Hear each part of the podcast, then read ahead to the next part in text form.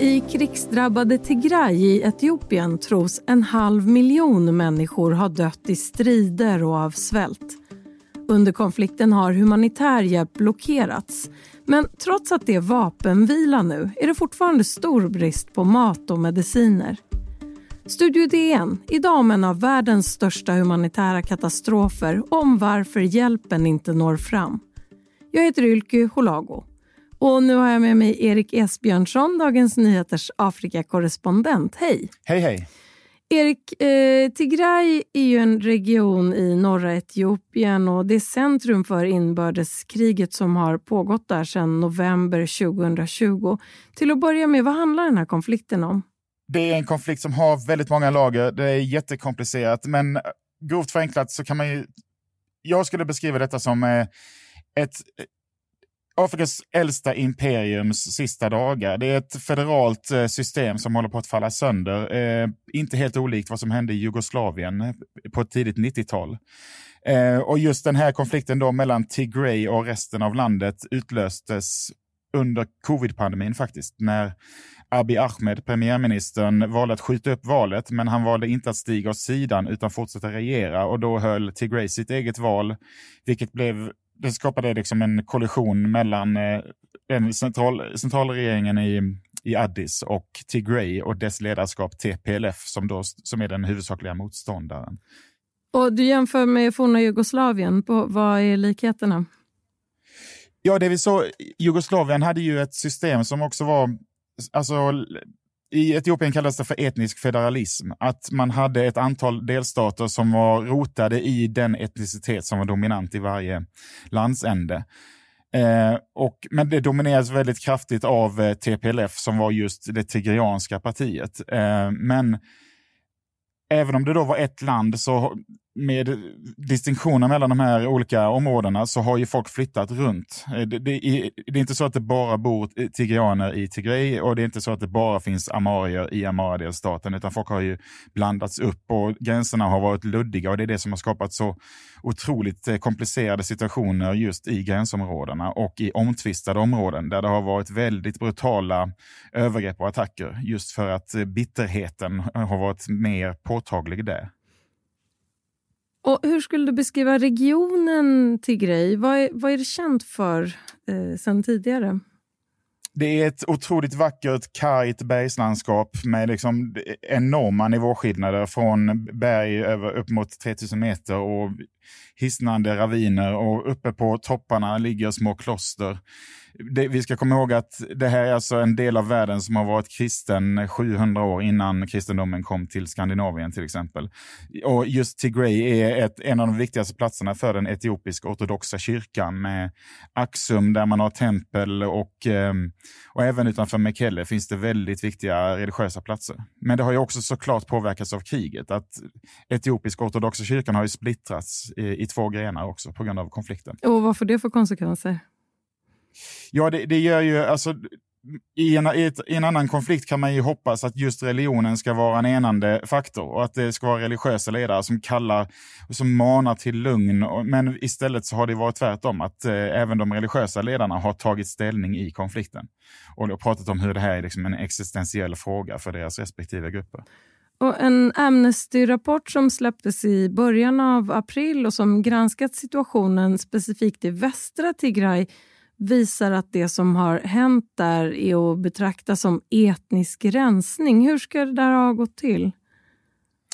Eh, det det, det är en rapport som Amnesty och Human Rights Watch har gjort tillsammans, vilket är ganska, säger någonting också om att det är för dem väldigt viktigt att gå ut som två tunga organisationer och visa att vi verkligen båda två står bakom detta.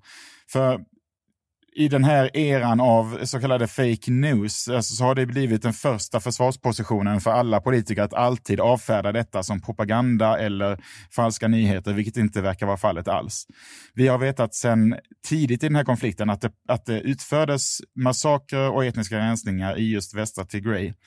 Eh, vad den här rapporten har gjort är att den liksom belägger med 400 vittnesmål vad som har hänt. Så att det är snarare, det är inte några direkta nyheter för oss som har följt konflikten länge, men, men nu liksom har vi det mer, det är en mer solid rapport. Um, och västra Tigray är just ett sånt här väldigt känsligt område som tillhörde Tigray-delstaten uh, i det gamla upplägget.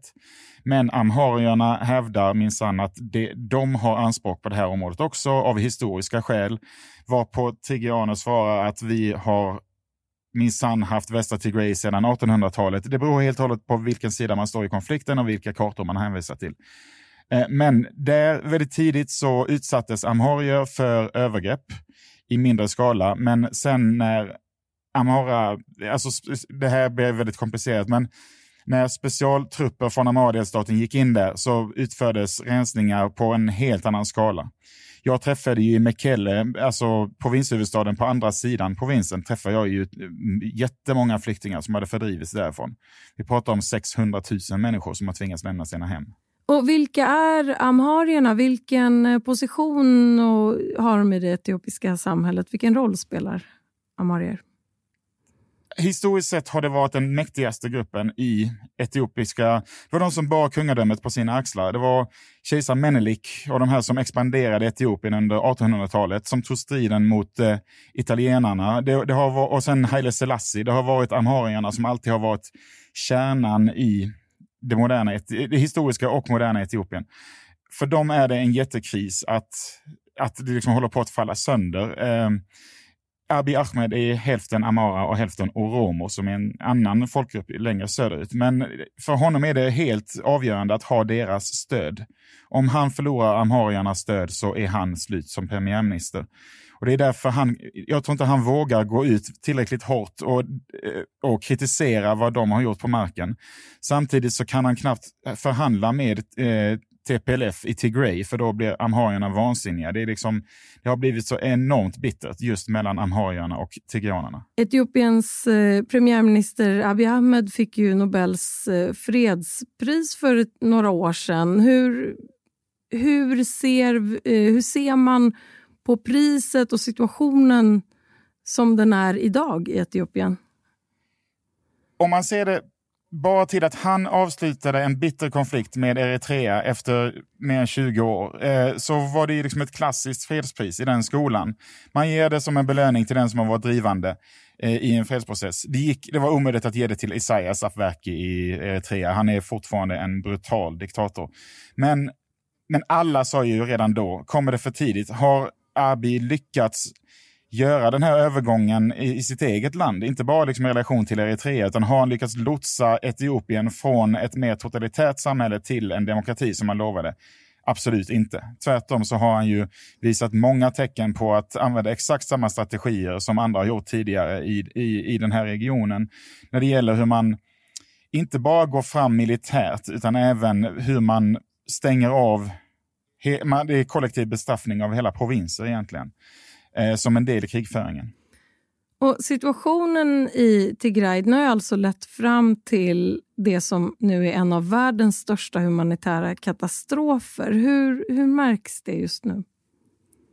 Alltså, när man läser den här rapporten från Amnesty och Human Rights Watch så talar de om brott mot mänskligheten som kan ha begåtts.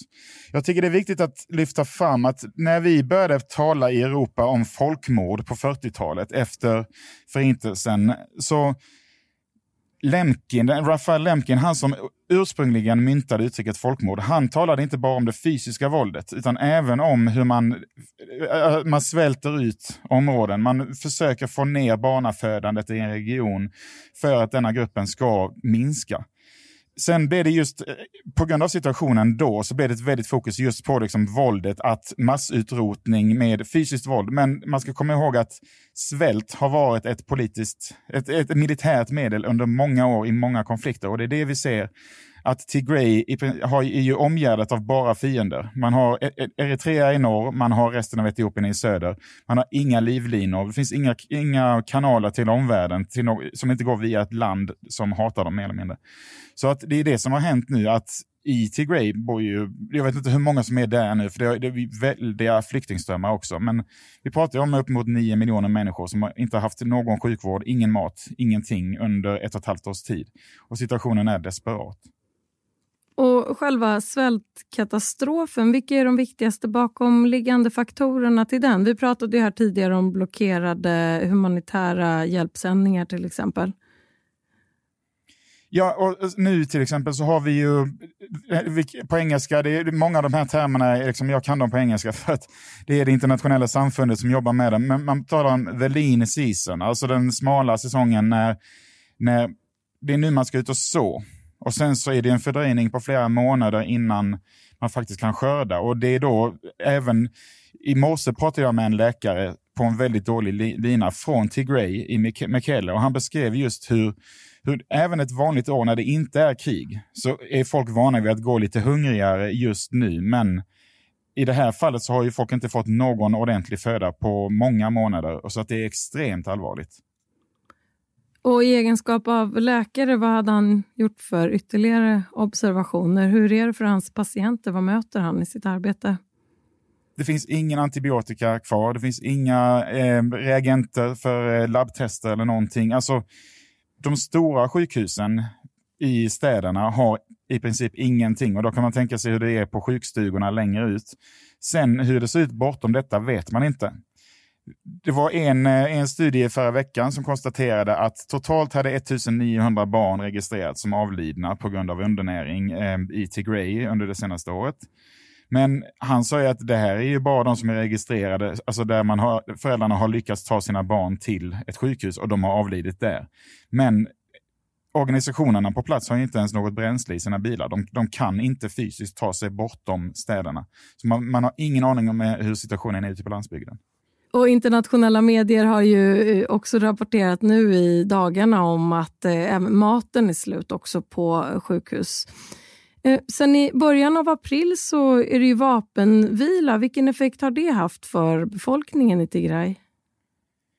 I princip har det inte haft någon effekt alls. Eh, det har kommit igenom ett par konvojer med lastbilar och det har Eh, det har trumpetats ut väldigt äh, ljudligt från Addis att nu, nu kommer de här fram tack vare att konflikten inte pågår. Men det är bara en bråkdel av mängden materiel som behövs och mängden mat, mängden bränsle. I Addis så är man rädd för att TPLF, gerillan man strider mot, ska dra nytta av de här hjälpsändningarna och att en del av bränslet ska hamna i deras händer. Att deras soldater ska kunna äta upp sig och så. Så att de, de är, hänvisar hela tiden till detta och, och, vill ju egentligen att TPLF först ska lägga ner vapnen innan man kan skicka in eh, konvojer. Men det, det händer inte. Och återigen, eh, läkaren som jag pratade med, han sa att när det gäller medicin, som ändå är rätt lätt att transportera, så har knappt någonting kommit alls. Så det, det, krävs mycket mer. Det krävs att man skalar upp den här hjälpinsatsen 50-falt verkligen, så att det verkligen kommer in på stor skala. Det har inte hänt än det, och uppenbarligen finns det inte tillräckligt med förtroende mellan de olika parterna för att det ska hända. Och slutligen, det är en väldigt dystopisk bild du har målat upp av situationen. Finns det några ljusglimtar? Ljusglimtarna är att hade det här varit folk ibland tror ju människor att svält och så att det har ekologiska faktorer. Det skulle egentligen vara mycket värre, för då skulle människorna vara helt lämnade åt sina egna öden. Så är inte fallet. Vi vet, all tillgänglig forskning slår alltid fast att svält har politiska faktorer, bakomliggande faktorer. Goda nyheten är ju att då finns det också en lösning. Vi, vi kan stoppa detta om tillräckligt många människor ägnar energi åt detta och, och drar de här parterna till förhandlingsbordet så kan man avlasta den här situationen. Det är inte alls så att det här är något naturstadie som bara fortsätter i oändlighet. Och vem sitter på den här lösningen? Vad är det som behöver hända för en mer permanent fred? Jag tror att dels så måste Afrikanska unionen, som har sitt säte i Addis, våga ryta till lite hårdare mot Abiy. Eh, USA som har haft goda relationer med TPLF när de var den dominanta kraften i Etiopien. De har även ganska goda relationer till Abiy. De måste också eh, markera tydligare sin vilja. Vad vill de? Eh, men, men, annars, det är, det är jätteknepigt. Eh, det är inte det lättaste just för att det är ett stort land eh, som är väldigt mäktigt i sig självt eh, som, inte har, och, och, som inte har några naturliga partners på det sättet. Men jag, jag tror att det behövs en, en kollektiv medlingsinsats från flera olika aktörer. Tack så mycket Erik Esbjörnsson, Dagens Nyheters Afrikakorrespondent. Tack, tack. Om du vill kontakta oss så går det bra att mejla till studiodn Och kom ihåg att prenumerera på Studio DN där du lyssnar på poddar så missar du inga avsnitt. Studio DN görs för Podplay av producent Palmira Kokari Menga. Ljudtekniker Patrik Meisenberger, teknik Oliver Bergman på Bauer Media och jag heter Ylke Holago.